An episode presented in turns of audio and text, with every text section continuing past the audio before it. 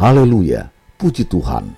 Akhirnya tinggal hitungan hari lagi kita akan segera menyelesaikan program pembacaan Alkitab audio setahun, yaitu selama 365 hari, suatu pembacaan yang disesuaikan dengan jadwal rencana baca dari Back to the Bible Chronological Reading Bible. Tetap semangat untuk terus mendengarkan firman-Nya. Tuhan Yesus memberkati. Inilah mendengarkan firman Tuhan hari ke-340 2 Korintus pasal 10 Aku, Paulus, seorang yang tidak berani bila berhadapan muka dengan kamu, tetapi berani terhadap kamu bila berjauhan. Aku memperingatkan kamu demi Kristus yang lemah lembut dan ramah. Aku meminta kepada kamu, jangan kamu memaksa aku untuk menunjukkan keberanianku dari dekat, sebagaimana aku berniat bertindak keras terhadap orang-orang tertentu yang menyangka bahwa kami hidup secara duniawi. Memang kami masih hidup di dunia, tetapi kami tidak berjuang secara duniawi karena senjata kami dalam perjuangan bukanlah senjata duniawi, melainkan senjata yang diperlengkapi dengan kuasa Allah yang sanggup untuk meruntuhkan benteng-benteng. Kami mematahkan setiap siasat orang dan merubuhkan setiap kubu yang dibangun oleh keangkuhan manusia untuk menentang pengenalan akan Allah. Kami menawan segala pikiran dan menaklukkannya kepada Kristus, dan kami siap sedia juga untuk menghukum setiap kedurhakaan bila ketaatan kamu telah menjadi sempurna tengoklah yang nyata di depan mata kamu. Kalau ada seorang benar-benar yakin bahwa ia adalah milik Kristus, hendaklah ia berpikir di dalam hatinya bahwa kami juga adalah milik Kristus sama seperti dia. Bahkan, jikalau aku agak berlebih-lebihan bermegah atas kuasa yang dikaruniakan Tuhan kepada kami, untuk membangun dan bukan untuk meruntuhkan kamu, maka dalam hal itu aku tidak akan mendapat malu. Tetapi aku tidak mau kelihatan seolah-olah aku menakut-nakuti kamu dengan surat-suratku. Sebab, kata orang, surat-suratnya memang tegas dan keras, tetapi bila berhadapan muka sikapnya lemah dan perkataan-perkataannya tidak berarti tetapi hendaklah orang-orang yang berkata demikian menginsafi bahwa tindakan kami bila berhadapan muka sama seperti perkataan kami dalam surat-surat kami bila tidak berhadapan muka. Memang kami tidak berani menggolongkan diri kepada atau membandingkan diri dengan orang-orang tertentu yang memujikan diri sendiri mereka mengukur dirinya dengan ukuran mereka sendiri dan membandingkan dirinya dengan diri mereka sendiri. Alangkah bodohnya mereka. Sebaliknya, kami tidak mau bermegah melampaui batas, melainkan tetap di dalam batas-batas daerah kerja yang dipatok Allah bagi kami, yang meluas sampai kepada kamu juga. Sebab dalam memberitakan Injil Kristus, kami telah sampai kepada kamu, sehingga kami tidak melewati batas daerah kerja kami, seolah-olah kami belum sampai kepada kamu. Kami tidak bermegah atas pekerjaan yang dilakukan oleh orang lain di daerah kerja yang tidak dipatok untuk kami. Tetapi kami berharap bahwa apabila imanmu makin bertumbuh, kami akan mendapat penghormatan lebih besar lagi di antara kamu jika dibandingkan dengan daerah kerja yang dipatok untuk kami. Ya, kami hidup supaya kami dapat memberitakan Injil di daerah-daerah yang lebih jauh daripada daerah kamu dan tidak bermegah atas hasil-hasil yang dicapai orang lain di daerah kerja yang dipatok untuk mereka.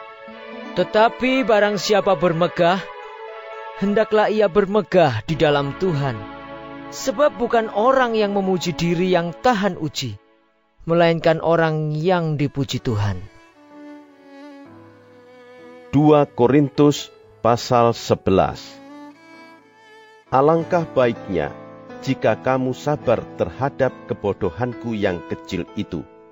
Memang kamu sabar terhadap aku, sebab aku cemburu kepada kamu dengan cemburu ilahi, karena aku telah mempertunangkan kamu kepada satu laki-laki untuk membawa kamu sebagai perawan suci kepada Kristus. Tetapi aku takut kalau-kalau pikiran kamu disesatkan dari kesetiaan kamu yang sejati kepada Kristus, sama seperti Hawa diperdayakan oleh ular itu dengan kelicikannya.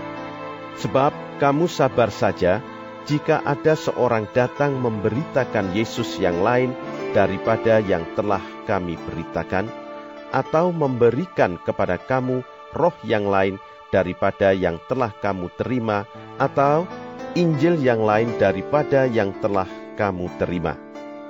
Tetapi menurut pendapatku, sedikit pun aku tidak kurang daripada rasul-rasul yang tak ada taranya itu.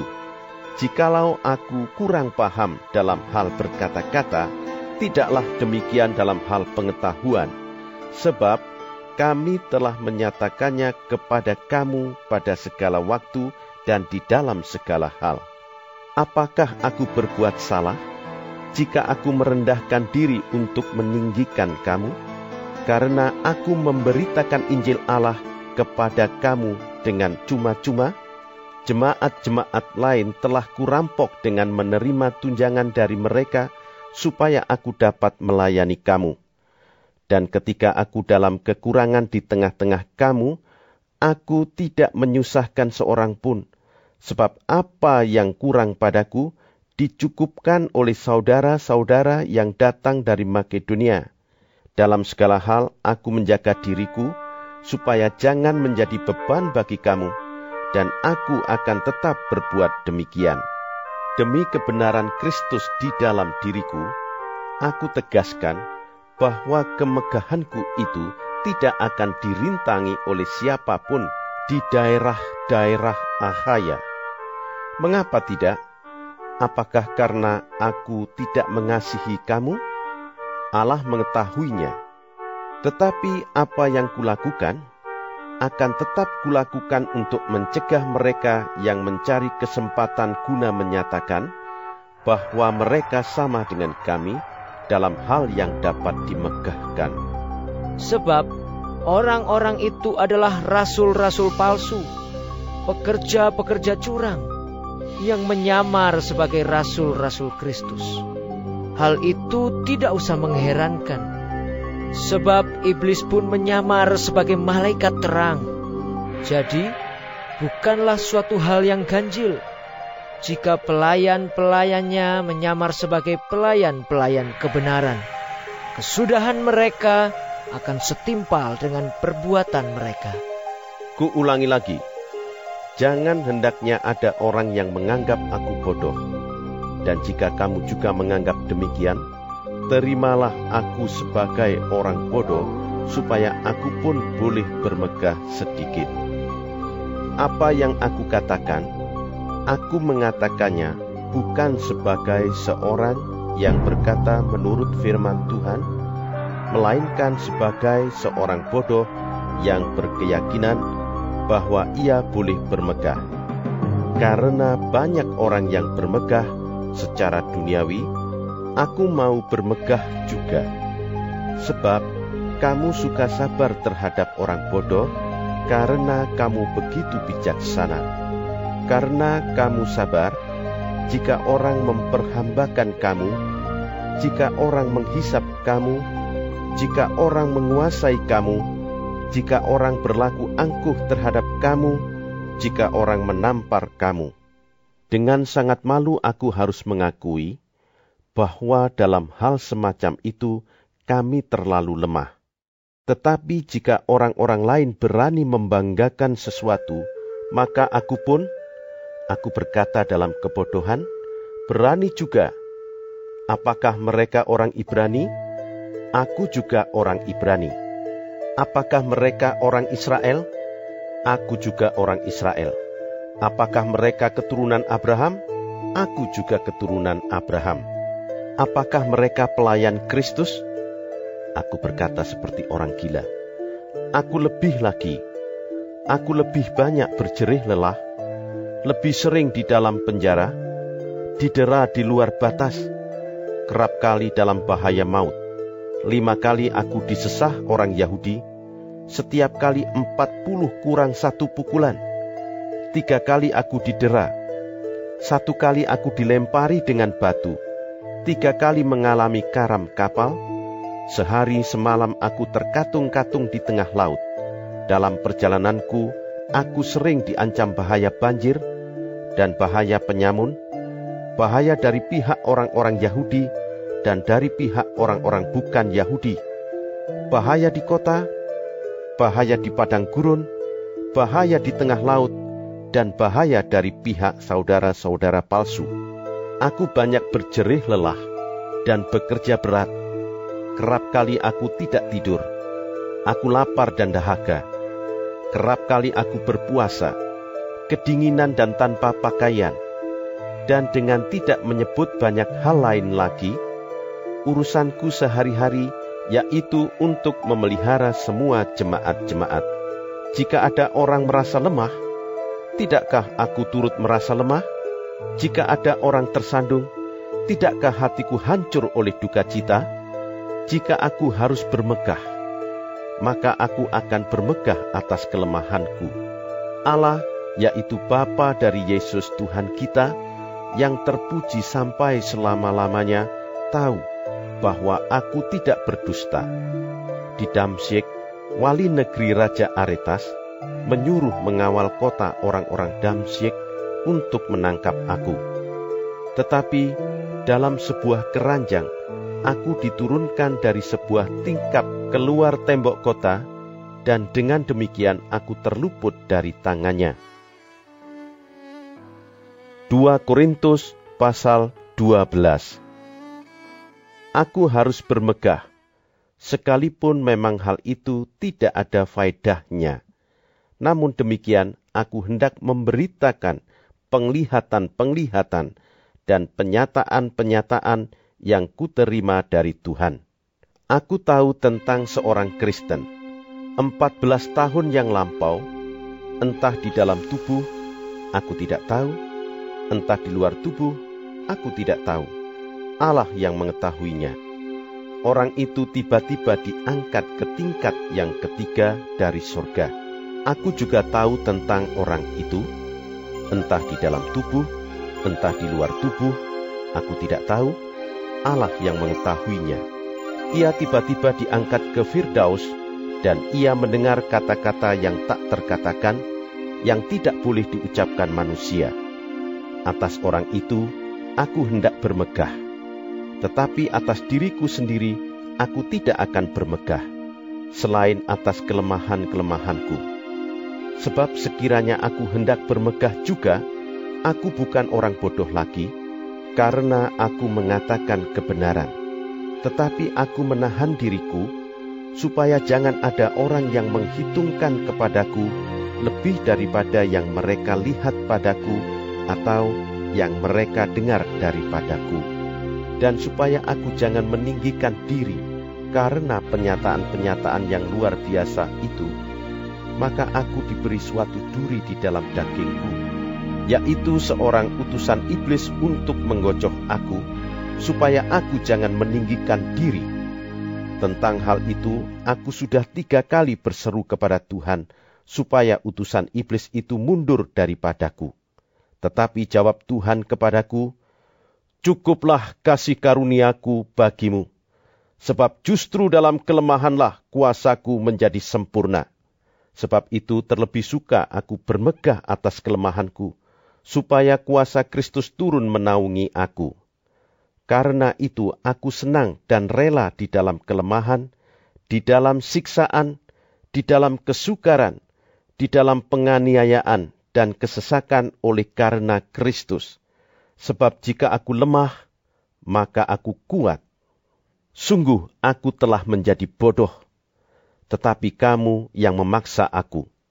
Sebenarnya aku harus kamu puji karena meskipun aku tidak berarti sedikit pun, namun di dalam segala hal, aku tidak kalah terhadap rasul-rasul yang luar biasa itu.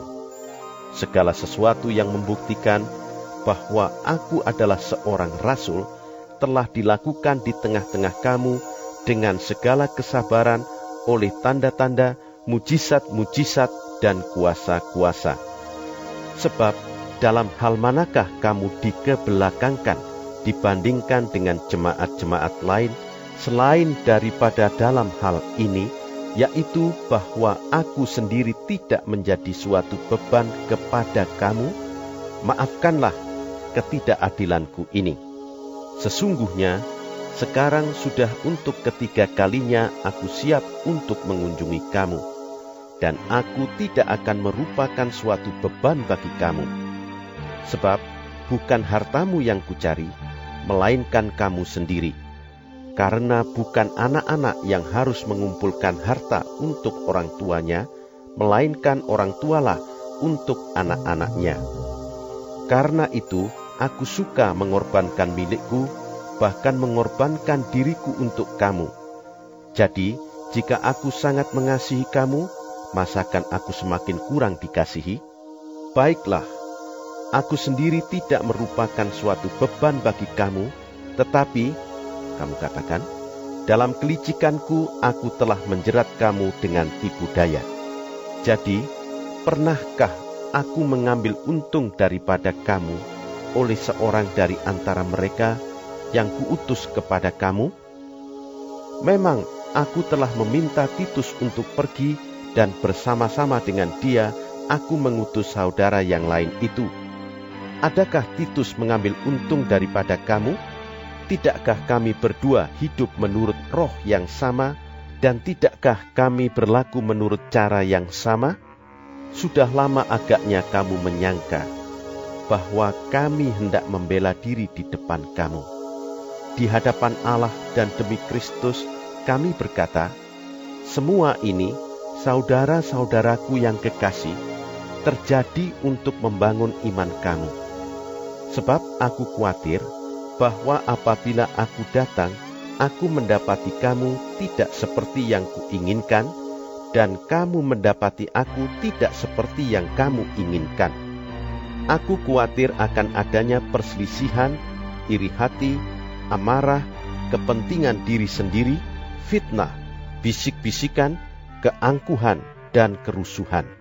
Aku khawatir bahwa apabila aku datang lagi, Allahku akan merendahkan aku di depan kamu, dan bahwa aku akan berduka cita terhadap banyak orang yang di masa yang lampau berbuat dosa, dan belum lagi bertobat dari kecemaran, percabulan, dan ketidaksopanan yang mereka lakukan.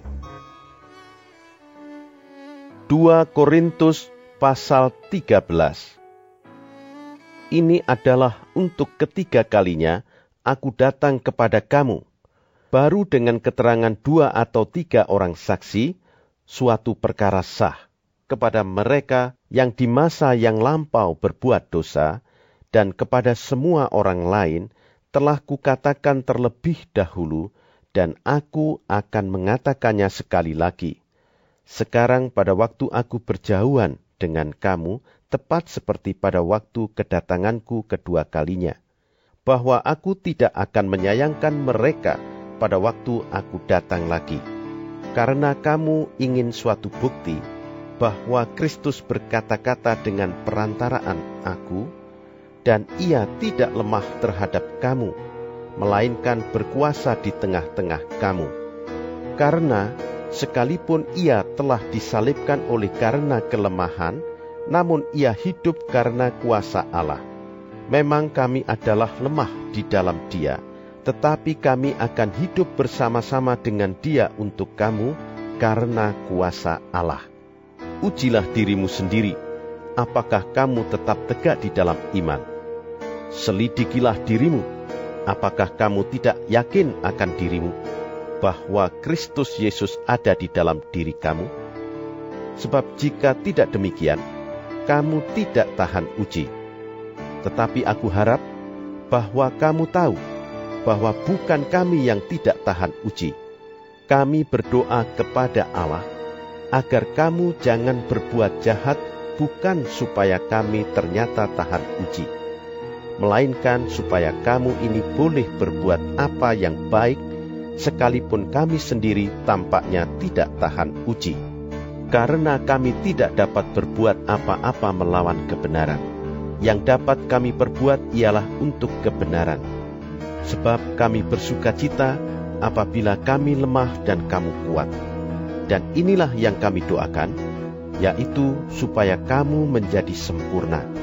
Itulah sebabnya sekali ini aku menulis kepada kamu ketika aku berjauhan dengan kamu, supaya bila aku berada di tengah-tengah kamu, aku tidak terpaksa bertindak keras menurut kuasa yang dianugerahkan Tuhan kepadaku untuk membangun dan bukan untuk meruntuhkan. Akhirnya, saudara-saudaraku, bersukacitalah, usahakanlah dirimu supaya sempurna. Terimalah segala nasihatku, sehati sepikirlah kamu, dan hiduplah dalam damai sejahtera. Maka Allah, sumber kasih dan damai sejahtera, akan menyertai kamu. Berilah salam seorang kepada yang lain dengan cium yang kudus. Salam dari semua orang kudus kepada kamu kasih karunia Tuhan Yesus Kristus dan kasih Allah dan persekutuan Roh Kudus menyertai kamu sekalian. Tetap semangat untuk terus mendengarkan firman-Nya. Tinggal beberapa waktu lagi kita akan segera menyelesaikannya. Sampai jumpa esok hari. Tuhan Yesus memberkati.